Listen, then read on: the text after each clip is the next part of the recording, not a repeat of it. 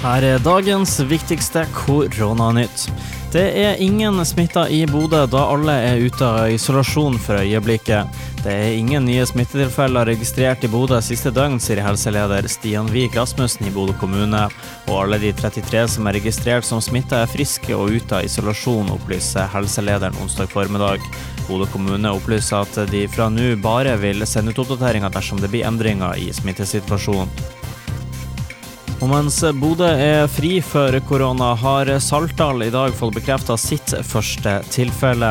Kommuneoverlege og smittevernlege i Saltdal bekrefter at det er påvist positiv koronasmitte i Saltdal. Det er snakk om en voksen person som har vært på innenlands reise, sier Kjell Gunnar Skodvin. Personen har vært isolert i sitt hjem siden testen ble foretatt i forrige uke. Det satte i gang smittesporing, legger han til. Dette er det første bekrefta tilfellet av koronasmitte i Saltdal kommune. Ytterligere 10.559 nye koronatilfeller er registrert i Russland det siste døgnet, opplyser landets helsemyndighet onsdag.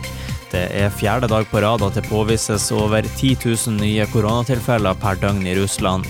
Til sammen 165 929 smittetilfeller er nå påvist i landet. 1537 av dem har fått dødelig utgang. Til tross for det høye smittetallet er dødeligheten lav i Russland sammenlignet med mange andre land. Myndighetene mener at dette skyldes omfattende testing, rask stenging av grensene og smittesporing. Skolene gjenåpna i den kinesiske storbyen Wuhan, der koronaviruset først ble påvist.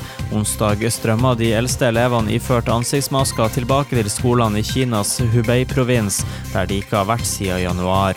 På disiplinert vis holder de god avstand til hverandre i køen foran skannere som sjekker om de har hatt feber før de slapp inn i klasserommene, der det var rydda minst én meters avstand mellom pultene.